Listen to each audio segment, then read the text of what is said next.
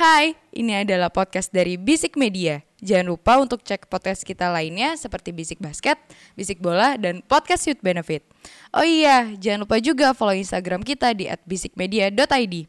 Oke, selamat mendengarkan.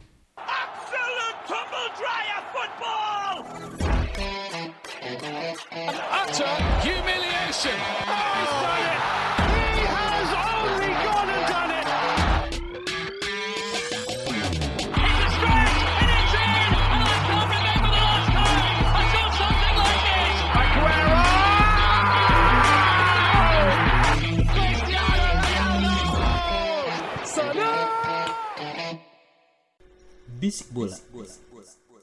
Selamat datang di Bisik Bola, sebuah podcast sepak bola yang membahas bola-bola yang cuma berdua kali ini. Hmm. Kita romantis banget sih hari ini, Ji. Ke mana perginya orang-orang? Jangan tanya saya, tanyakan pada rumput yang bergoyang. Gak tahu dah. Aduh. Urus semua urusan masing-masing. Ya udahlah, tapi gak apa-apa. Kita di sini ingin membahas, Nggak apa-apa. membahas ini hal-hal yang harus kita bahas, yaitu final Liga Champions kemarin. Gimana Gus kalau dari lu Gus? Menurut lo gimana? Kalau dari gue, ya Yo, ada Ah. satu aktor utama yang harus gua salahkan. Orang hitam bodoh itu. Nomor 9 90 90 sorry 90 ya. Nomor 90. 90. Karena dari pakai Zeko kan sembilannya. Iya. Anjing banget sama ya ini sih kalau kalau lo mau ngomong ya, gua eh, ini sih Lautaro tuh goblok juga tuh anjing yang udah bola lepas sendirian. Tapi kalau lo perhatiin, perhati, kalau kan kayaknya ya, kayaknya dari dari kita berempat itu yang nonton full itu kan cuma kita berdua nih. Makanya kebetulan kita berdua doang yang bahas. Panji tidur, si Imo nggak tahu tuh nggak ada kabar di malam itu. Dan kan sempat gua komentarin kan pas kayaknya masih awal-awal babak pertama tuh sini tuh kayak panik gitu mainnya apa salah umpan terus juga nggak ada yang ngeri dari dari bola-bolanya Gundogan atau De Bruyne jadi aneh aja tuh gue ngeliat City di pertama dan juga ditambah Inter tuh kemarin ngepresnya gila-gilaan sih eh gue eh, setuju sama lo. Gua sangat apresiasi dengan lini eh, tengah dan belakangnya Inter. Gimana mereka eh, ya ini balik lagi ya. Gua waktu itu nonton di Tivo eh, cara mainnya eh, Simone Inzaghi itu kan pasti kompak ya. Nah ini ini salah satu betul. hasilnya gimana gimana rapet lini kedua dan belakangnya Inter tuh bisa nahan gempuran City dan nahan gempuran De Bruyne. Da, ya ma- makanya juga kemarin tuh eh, ada beberapa kali ya salah umpan si Johnston juga yang biasanya bisa ngelesat ke tengah juga agak-agak ketahan sama si eh, Brozovic gitu. Jadi apalagi juga Grealish sama Bernardo Silva yang di sayap tuh ketahan banget sama Di Marco sama Dumfries. Jadi agak aneh sih kemarin City di 30 menit pertama. Baru justru kalau menurut gua baru agak berkembang tuh pas De Bruyne cedera malah pas diganti Foden. Karena kayaknya pemain Inter tuh semuanya ngepusatnya sama De Bruyne jadi pada ngincer De Bruyne pas eh, masuk Foden malah bingung Inter gitu kalau gue liatnya.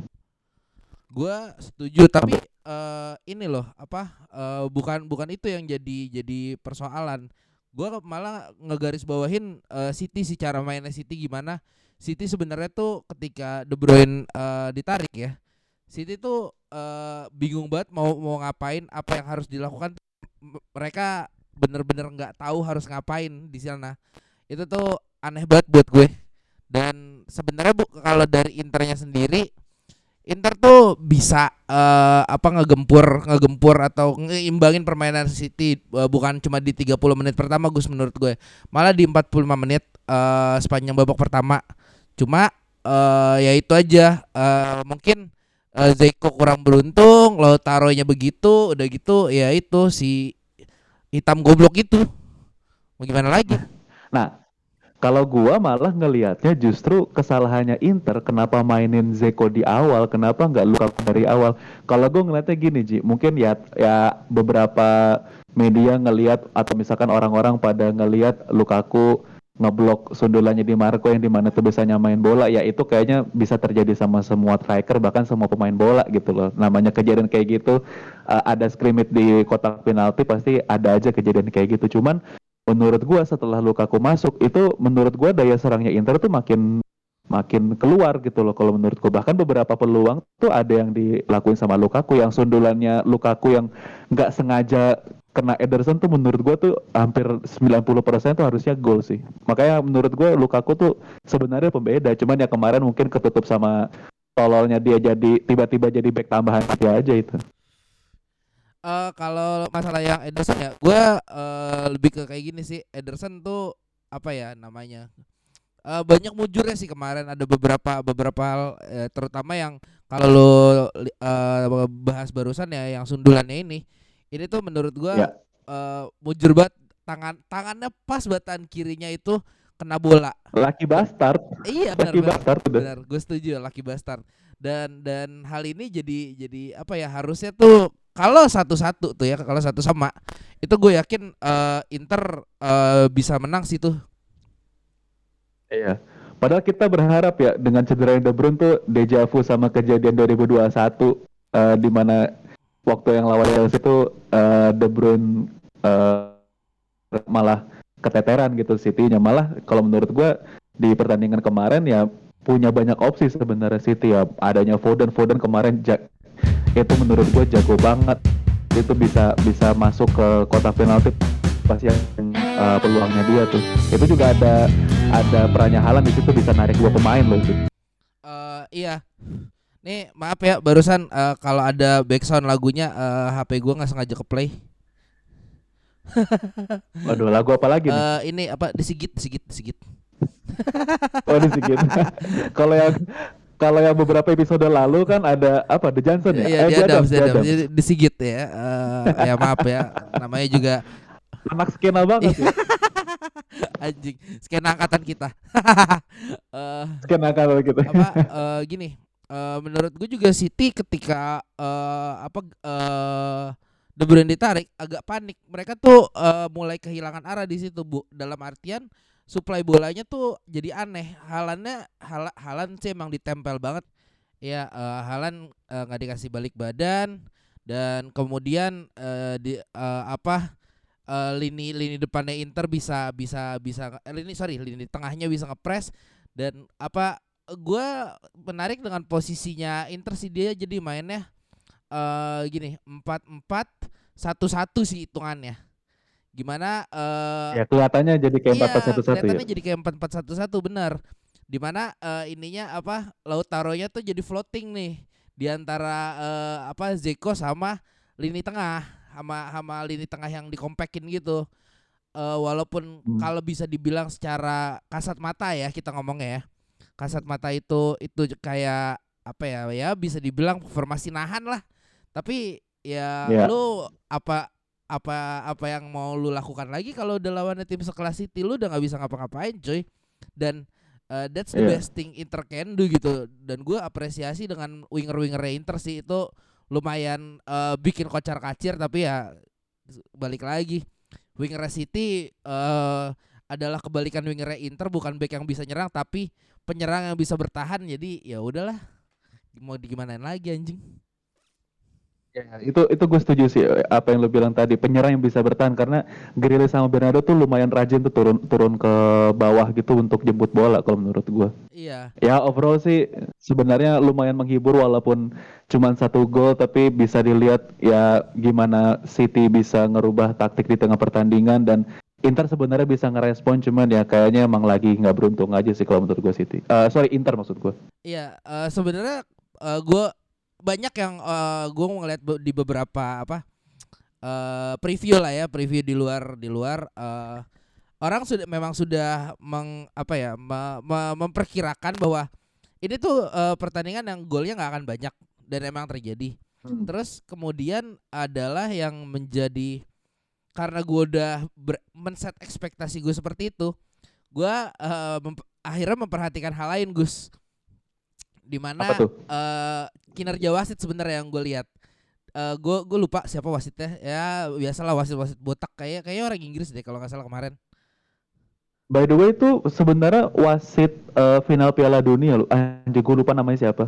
Itu wasit Piala Dunia itu. Lumayan Eh, tegas lah. Dari dari mana asalnya? Inggris. Lupa lu- gue. lupa, oke. bukan bukan nggak apa-apa. bukan. Eh, pokoknya eh, satu yang gua senang dari pertandingan kemarin adalah pertandingan kemarin ramah kontak fisik. Ramah kontak fisik dan ya kartunya juga make sense semua menurut gue.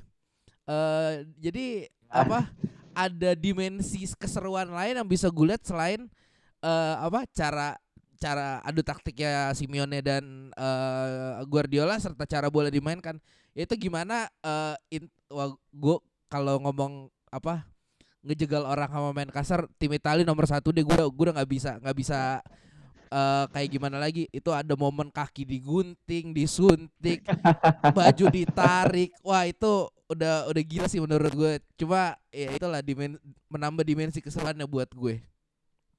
Ya lo bisa bayangin tim Serie A yang terkenal gerasak gerusuk, terkenal dalam tanda kutip kasar ngelawan tim yang eh, ibaratnya jago keeping bola gitu. Jadi udah pasti eh, ini kontak fisiknya banyak banget sih. Johnston sampai udah kayak pakai kaos kutang begitu, kayak kutang Bali anjing. bener bener bener bener bener dan apa Halan pun yang eh, di- walaupun dijaganya nggak bi- dibikin nggak bisa cuma nggak bisa balik badan ya itu bajunya kayak lu gue ngeliatnya sih lumayan compang camping sih Iya, iya bener. Dan beberapa kali bikin peluang ya, walaupun mungkin nggak apa banyak ditempel, cuman lumayan bikin banyak peluang dan sebenarnya dia lumayan buka ruang sih, terutama ya waktu peluangnya Foden itu.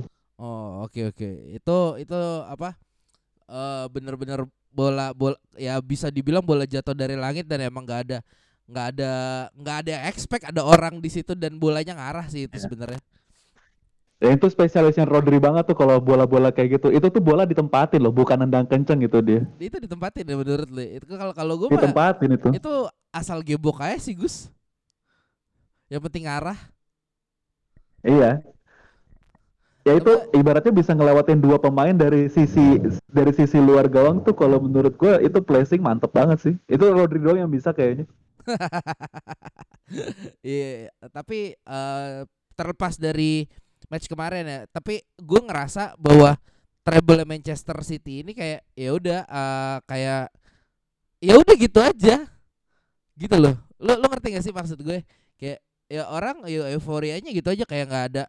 Wah, ya ya udah. Oh, City treble. Oh ya sudah. Lo ngerasa gitu gak sih Gus? Ya karena sudah terpredik ya dalam artian ya kita kita bisa tahu ya ini emang penantian lamanya City untuk juara Champions dan ya kebetulan eh, kemarin juara FA Cup dan juara IPL juga jadi makanya treble winner dan ya sebenarnya ini layak sih kalau menurut gue City treble di musim ini. Ya kayak yang gue bilang beberapa episode sebelumnya kalau menurut gue eh, kalau nggak sekarang kapan lagi eh, City bisa treble? Nah cuma menariknya kalau dari apa eh ngambil apa ya reaksinya Panji di grup kita itu kan dia Ya, pagi, ya, pagi-paginya no- nongol kan gue lupa pagi atau selang beberapa hari gitu dia ngomong ya tapi dia masih lebih respect dengan eh, treble 99 daripada yang sekarang karena 99 itu banyak homegrown playernya dibandingkan dengan eh, treble City kemarin.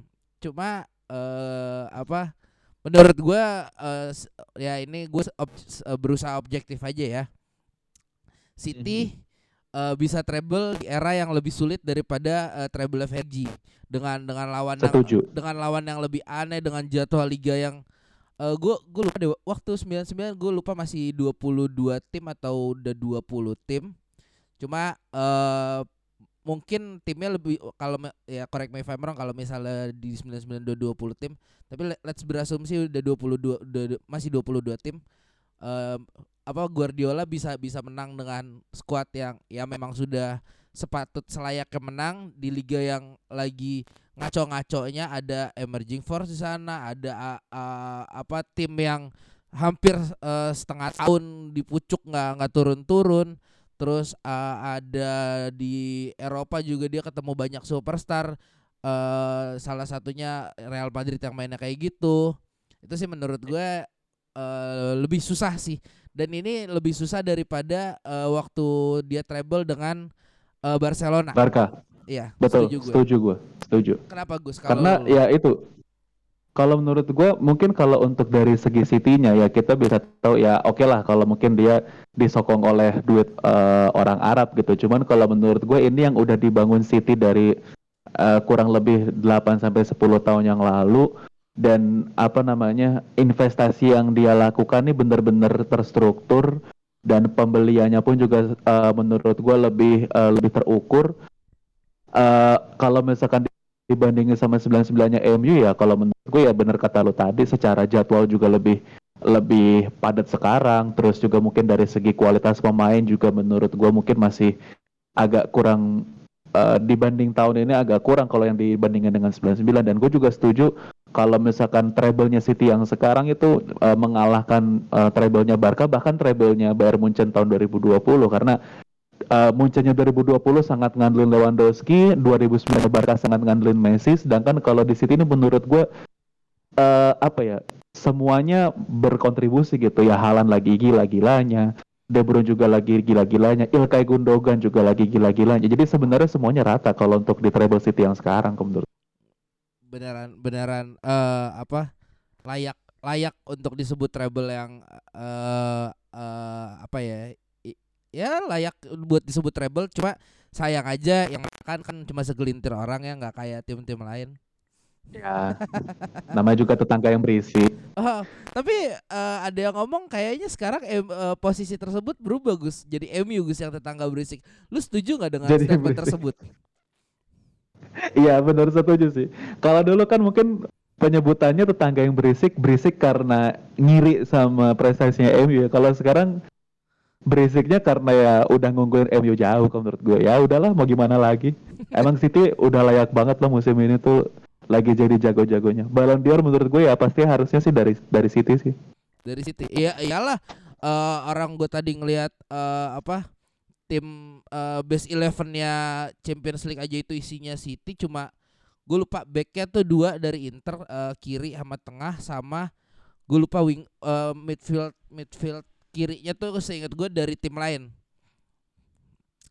Itu- Ya, itu salah satunya di Mar di Marco Nah, sama iya benar. Bastoni kalau nggak salah benar ya. benar benar di Marco sama Bastoni dan eh, ini kalau kalau kayak gini ya menurut gue mungkin udah sama kayak MU waktu 2008 2009 di mana eh apa tim eh prem IPL base 11 nya tuh eh dari 11 pemain tuh gue lupa 8 atau 9 nya tuh dari MU ya. Menurut gue udah udah Iya, udah iya. wajar sih City City bisa disebut sebagai tim yang punya legasi sih. Betul. Ya sekarang targetnya City tinggal sextuple aja sih mereka tinggal ngincer eh, Community Shield, Super Cup, eh, Super Eropa sama Piala Dunia antar klub ya. Kalau menurut gua sih semuanya tuh bisa dilibas abis sih. Pasti sextuple kalau menurut gua. Bentar, bentar, bentar. Berarti kalau dia eh kan kalau Piala Dunia antar klub udah jelas kan ya dari setiap konfederasi kan ya, seingat gue. Heeh, ya. Kalau eh, Super Super Cup Eropa tuh ntar lawannya West Ham berarti. Eh sorry, Oh sorry, antara Sevilla. West, We- Sevilla sama West Ham. Soalnya kan itu diadu dulu kan Emang, berdua. di- eh, emang iya diadu dulu. Setahu gua lawan Sevilla dah. Langsung Sevilla ya, bukan bukannya ini ya. Conference sama Eropa Setahu diadu gua sih- dulu ya. Enggak, setahu gua setahu gua sih lawan Sevilla langsung. Oh, oke. Antara Sevilla. Community Shield lawan Arsenal.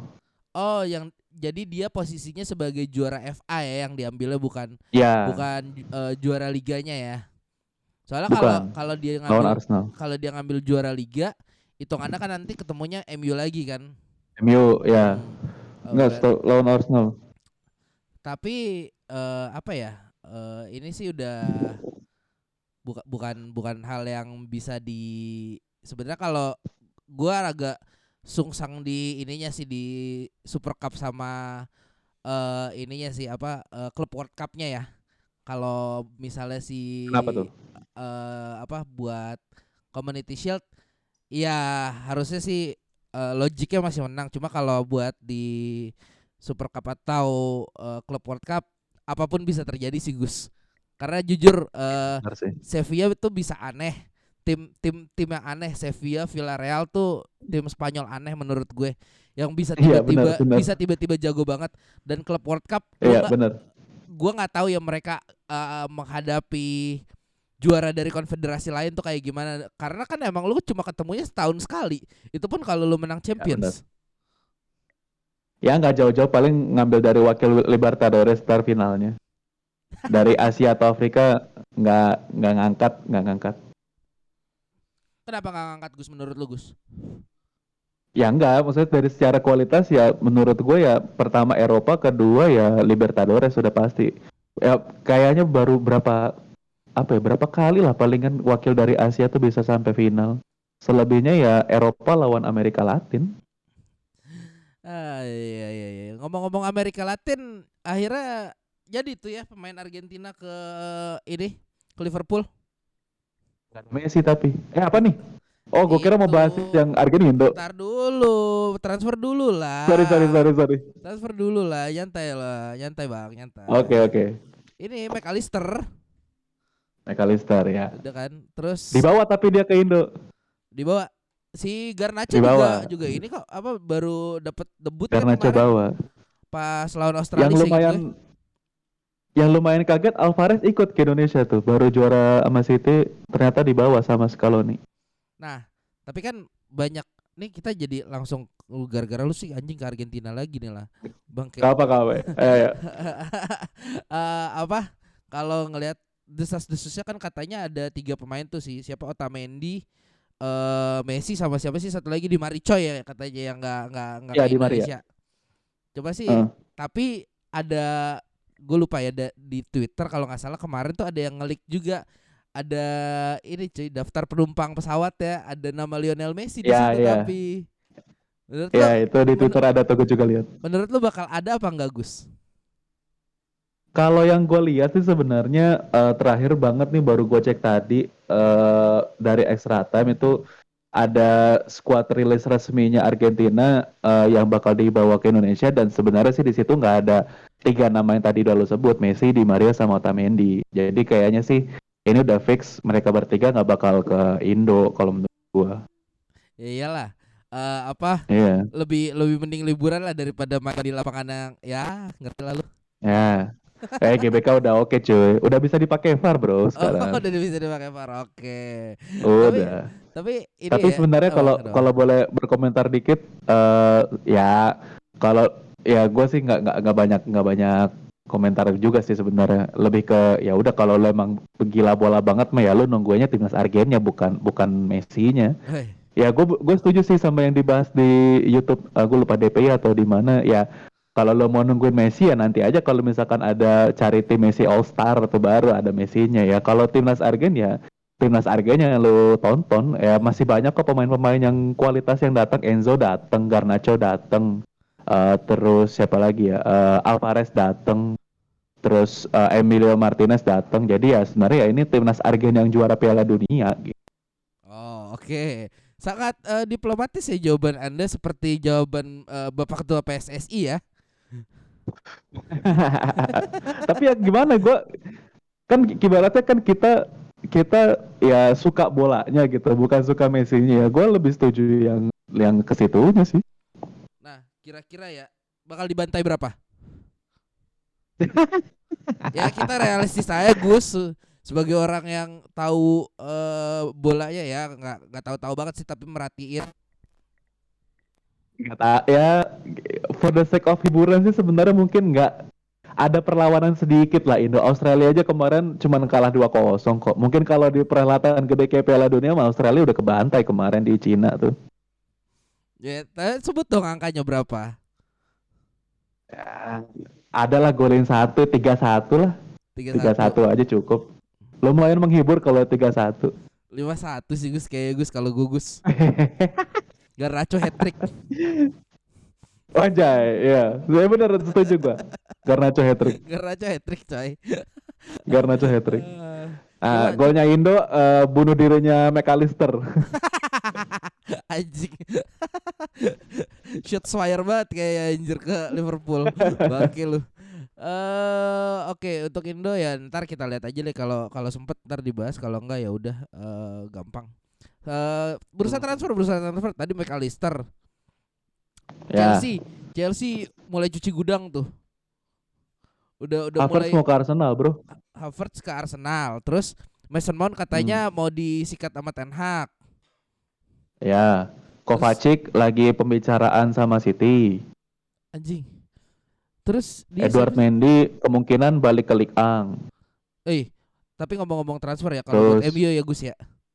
Aha. harusnya eh, beli Onana sih kalau mau main build up. Nah ini juga gue sebenarnya pengen bahas sih karena eh, baru banget tadi gue juga baru lihat di extra time David De Gea, nih ternyata nggak masuk nggak masuk rencananya Tenak sebenarnya tapi ada opsi untuk eh, De Gea bisa diperpanjang. Jadi kemungkinan kalau diperpanjang pun menurut gue sih kayaknya bakal jadi cadangan ya. Mungkin buat backup di Champions League atau di piala-piala kayak Piala FA atau di Carabao kalau menurut gue Tapi gue seneng Gus Ya. ngeliat, on, ngeliat Onana kemarin Gus. Kayak kiper futsal Gus Iya. di 10 menit terakhir Gus. Bener-bener. Dan sebenarnya juga ada ada isunya sih kalau Onana mau dibeli sama MU. Gue lupa bukan Romano sih tapi ada ada ada isu tersebut dan ya mudah-mudahan dengan Ajax connection antara Onana sama Ten Hag sih ya bisa lah cincai kalau menurut gue. Onana oke kok kalau menurut. Onana tuh waktu Ajax sampai semifinal tuh dia kan kipernya. Iya. Habis itu kan dia kena kasus doping. Oh, ya, tapi nggak ya, ya kita sudah punya pemain dengan eh, sex offender. Kenapa tidak oh, dopingan habis ini? Waduh waduh waduh. waduh. Eh, eh, Jude Bellingham. Eh, ah, sorry sorry Eh, agak mau eh, mau bahas MU dikit kemarin Apaan? tuh sebenarnya MU eh, ada dua yang sebenarnya eh, lagi gencar dideketin sama MU yang pertama Harry Kane. Kedua itu si Kim Min Jae dari Napoli. Oke. cuman Kim Min Jae eh, tadi beberapa beberapa saat yang lalu gue liat beritanya kayaknya makin dekatnya ke Munchen. Nah kalau Harry Kane nih gue nggak tahu nih dia eh, mau ke mana. Ada opsi juga dia mau ke Madrid.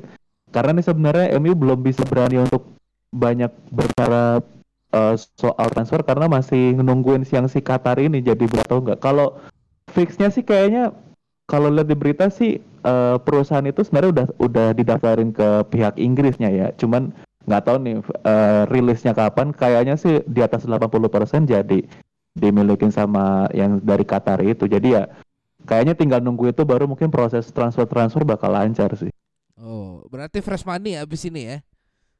harusnya sih fresh money bro Fresh money ya. cuman ya? Kenapa? nggak tahu sih nih nanti eh, untuk inceran-incerannya mau ke siapa. Ada juga opsi selain Harry Kane tuh ada dari pemain Denmark dari Atalanta striker gue lupa nama siapa Rosmund siapa siapa gitu. Gue nggak tahu tuh dari mana.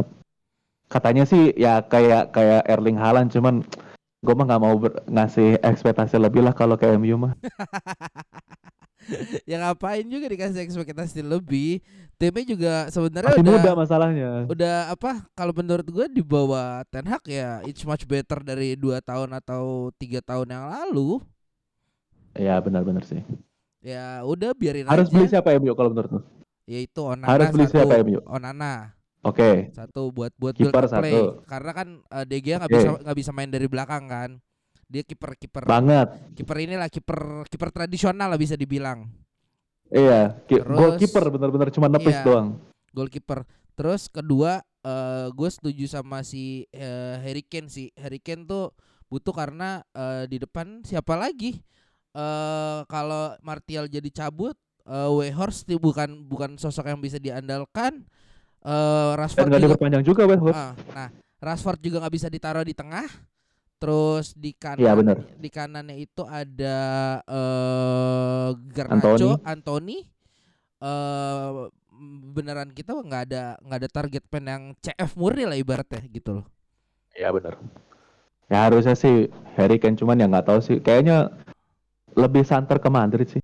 Nah, tapi paling kalau mau dipermanenin adalah permanenin Sabitzer.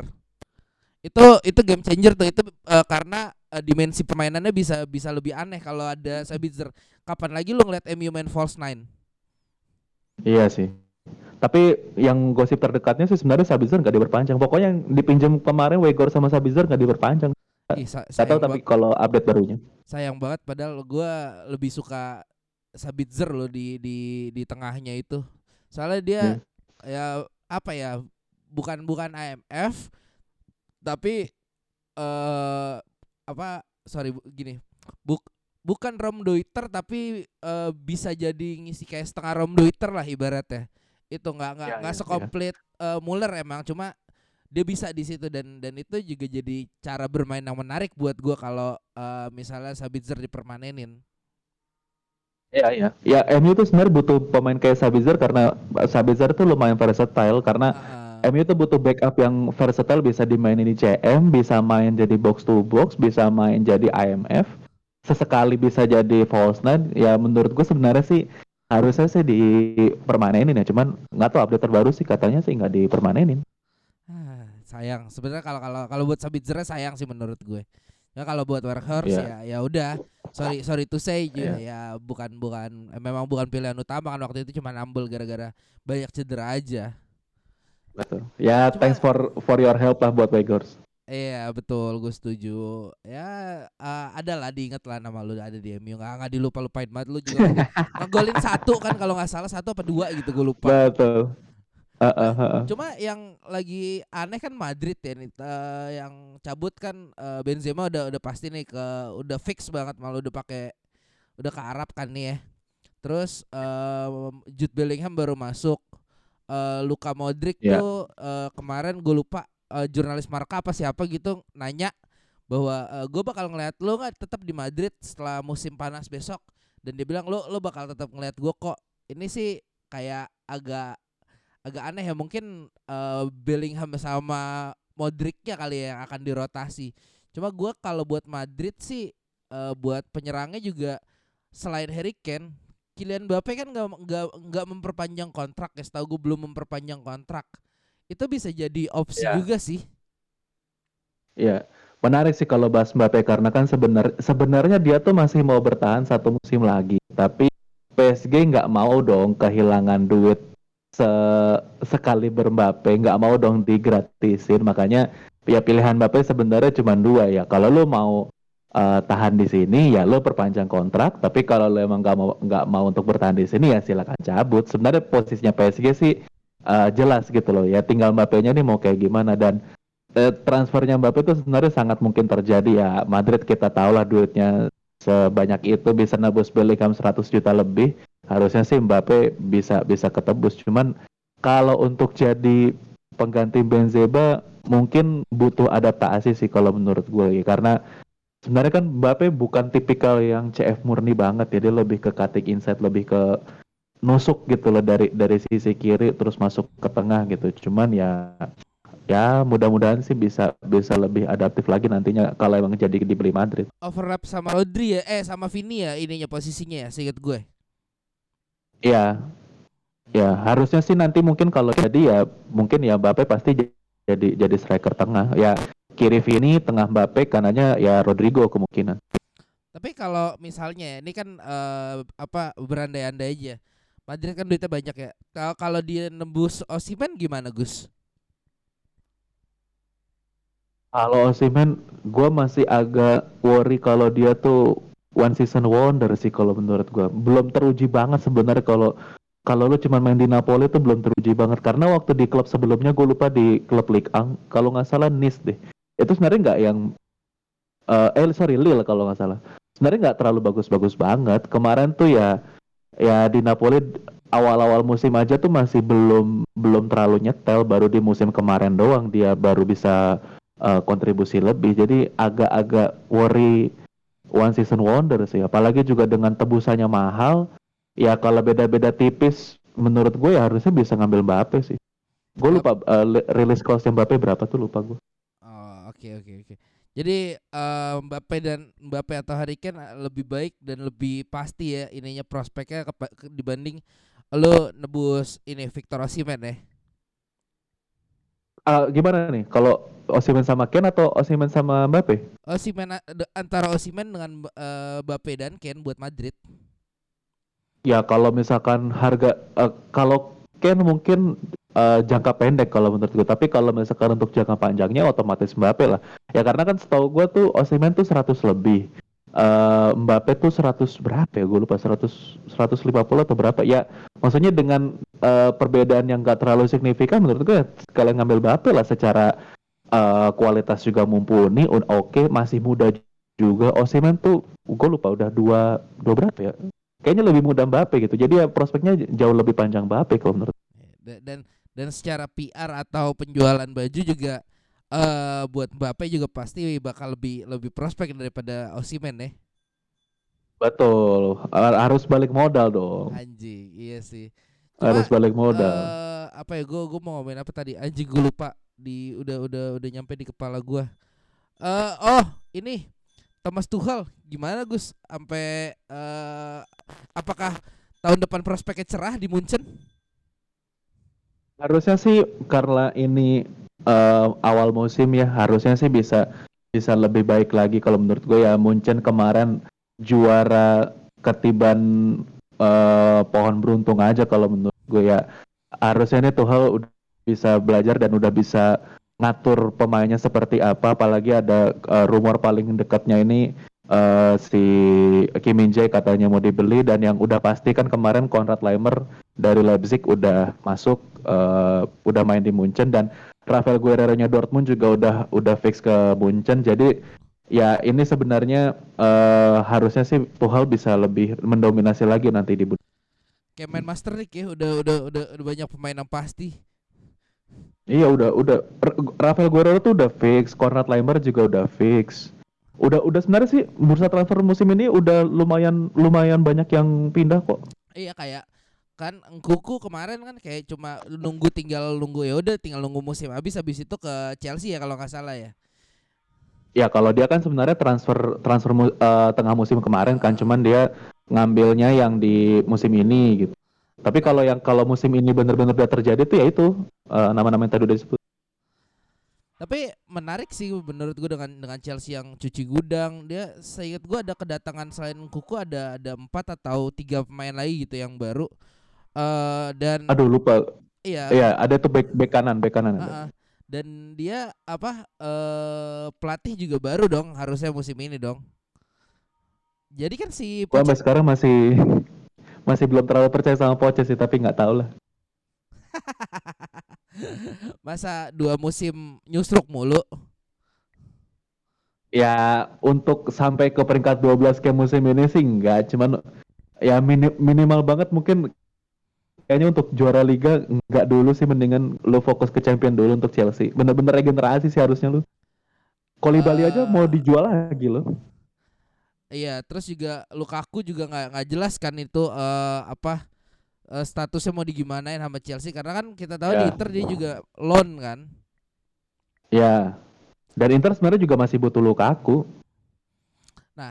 Yang jadi lucu adalah sebenarnya kalau eh, apa ya eh, ngomong eh, harsh truth-nya ya Gus ya. Sebenarnya pun Ah. menurut gue Liga Champions juga untuk skuad Chelsea yang sekarang dengan pelatih yang masih kita ragukan agak berangan-angan sih Gus. Gue malah re- realistisnya adalah seenggaknya lo masuk Conference League dulu. Alhamdulillah syukur-syukur lo masuk Eropa. Anjing. Nggak ada Imo semena-mena lu yang ngomongin Chelsea. Enggak, gue ya kalau ada Imo kan paling ada yang counter kan. Cuma ini gua sebagai ini aja orang yang merhatiin aja gitu loh. Kalau kalau lu Iya, ngomong iya. Sih agak ya sorry itu saya mimpi babu sih ya lumayan lah karena kita juga tahu nih klub bener beneran compang camping kemarin udah compang camping pelatihnya juga sih ya walaupun Pochet udah berpengalaman cuma kan kita nggak tahu kan akan kayak gimana karena sampai sekarang pun setahu gua Pochet juga belum megang megang full kan ke Chelsea terus juga pemainnya juga kemungkinan akan hilang banyak key player tahun kemarin yang cabut terutama dari lini tengah dan kita nggak tahu mereka bakal masukin siapa lagi atau Pochet bakal masukin siapa lagi eh buat squad i- ini menghadapi tahun depan gitu sih Ya kalau kalau dari eh, rumor transfer yang beredar eh, Chelsea ngincer Caicedo-nya Brighton karena kan ya Kante udah fix ke Arab, si Kovacic juga lagi ada pembicaraan ke City. Kayaknya emang eh, tengah nih lagi lagi difokusin banget sih. Apalagi ada rumor Loftus-Cheek juga katanya mau ke Milan. Jadi tengah nih banyak yang lagi dicuci gudang sama sama Chelsea. Makanya mungkin pembelian nanti fokusnya di tengah sih. tapi belum ada emang benar-benar belum ada rumor siapa yang bakal masuk lagi ya Gus ya Ke Chelsea. iya ke Chelsea ke Chelsea belum sih baru si Nkunku sama yang gue lupa eh bek kanan yang dari Lyon tuh harusnya sih itu yang udah fix si dua itu. Kalau yang lainnya masih rumor-rumor sih. Terus juga Arsenal juga belum ada movement lagi kan habis McAllister. Karena kan ya kita tahu Jude Bellinghamnya ditikung kan sama sama Madrid di seperti Liverpool mereka eh ya Liverpool seperti mereka menikung Cody Aha. Gakpo. ya kan gak ada gak ada angin gak ada, hu- gak ada angin gak ada hujan. Kan sama dua-duanya beritanya kayak gitu. Tiba-tiba pagi-pagi lu bangun anjing udah down Iya ya, tapi kalau Liverpool belum belum ada yang fix lagi sih. Eh gue lupa. Panji kemarin udah sempet nyebut namanya, cuman ada pemain dari eh gue lupa Lille eh, sama dari Mönchengladbach apa kalau nggak salah. Jadi ya ada beberapa dan itu semuanya kalau nggak salah tengah sama back deh kalau nggak salah. Jadi emang lagi eh lagi fokus di tengah sama back sih. Oke. Kalau depannya sih menurut gue udah udah settle dan seperti POTS gua yang kemarin udah dirilis, menurut gua Darwin, Darwin Nunes bakal bisa oke sih musim depan. Oke. Ya udah, kita biarkan Nunes dan eh, impian-impian Babu Kopites. Eh, kemudian eh, buat buat terakhir nih nih the biggest elephant in the room nih. Bagaimana Oke.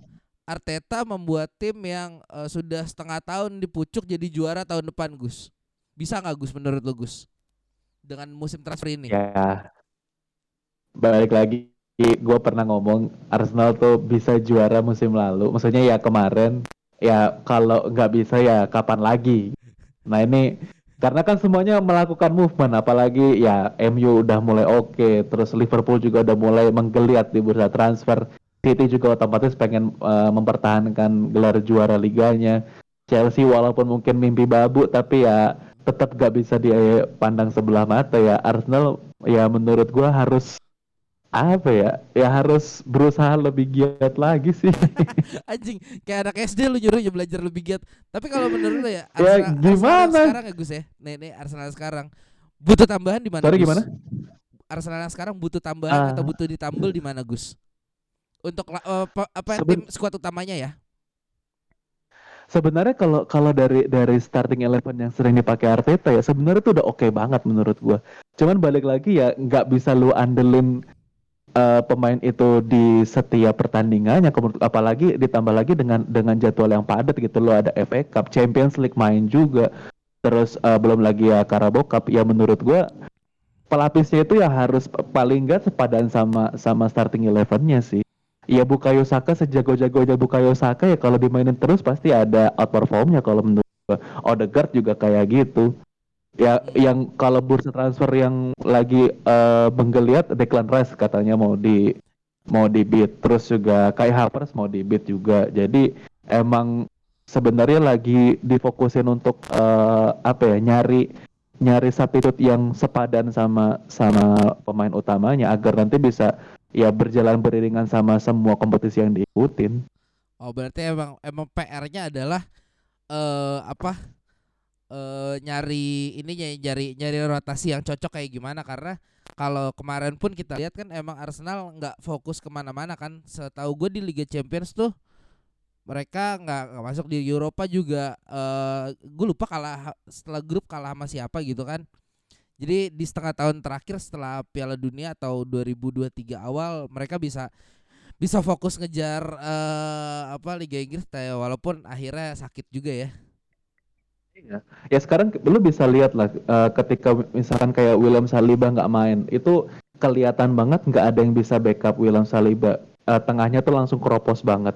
Ketika Odegaard lagi nggak main, ya yang ngegantiin pun juga secara kualitas juga masih gitu-gitu aja. Embele eh, Rowe eh, nggak terlalu bagus, terus Fabio Vieira juga mainnya gitu-gitu aja. Jadi ya antara cadangan sama sama utamanya tuh eh, jauh banget. Jadi ya susah juga lu bisa bertahan. Apalagi kan waktu yang masih kejar-kejaran sama City tuh banyak kan imbang ya karena pressure-nya lumayan gede dan ditambah lagi pemainnya juga udah pada capek semua mungkin ya bisa jadi. Berarti ya kalau bisa dibilang kasusnya sama kayak gimana MU kemarin eh pemainnya kecapean mulai banyak yang tumbang habis itu banyak kartu-kartu nggak jelas gitu kali ya Gus ya. ya itu dia apalagi ah, ya Casemiro ketika Casemiro nggak main kelihatan banget tengahnya langsung nggak ada keseimbangan Ah, Lisandro Martinez kemarin yang lagi gila-gilanya tiba-tiba cedera langsung langsung ibaratnya keropos eh, belakangnya. Ya sebenarnya semuanya tuh sama. P- balik lagi ke antara kesenjangan pemain eh, utama sama cadangannya tuh jauh kualitas banget. Beda sama City yang kemarin kita bisa lihat contoh di final Champions ketika De Bruyne cedera yang gantiin Foden yang kualitasnya pun kurang lebih sama gitu. Emang ya semuanya harus harus mau nggak mau yang ngikutin kayak cara caranya City ya lu pemain utama sama cadangannya ya menurut gua harus paling nggak sepadan lah Oke.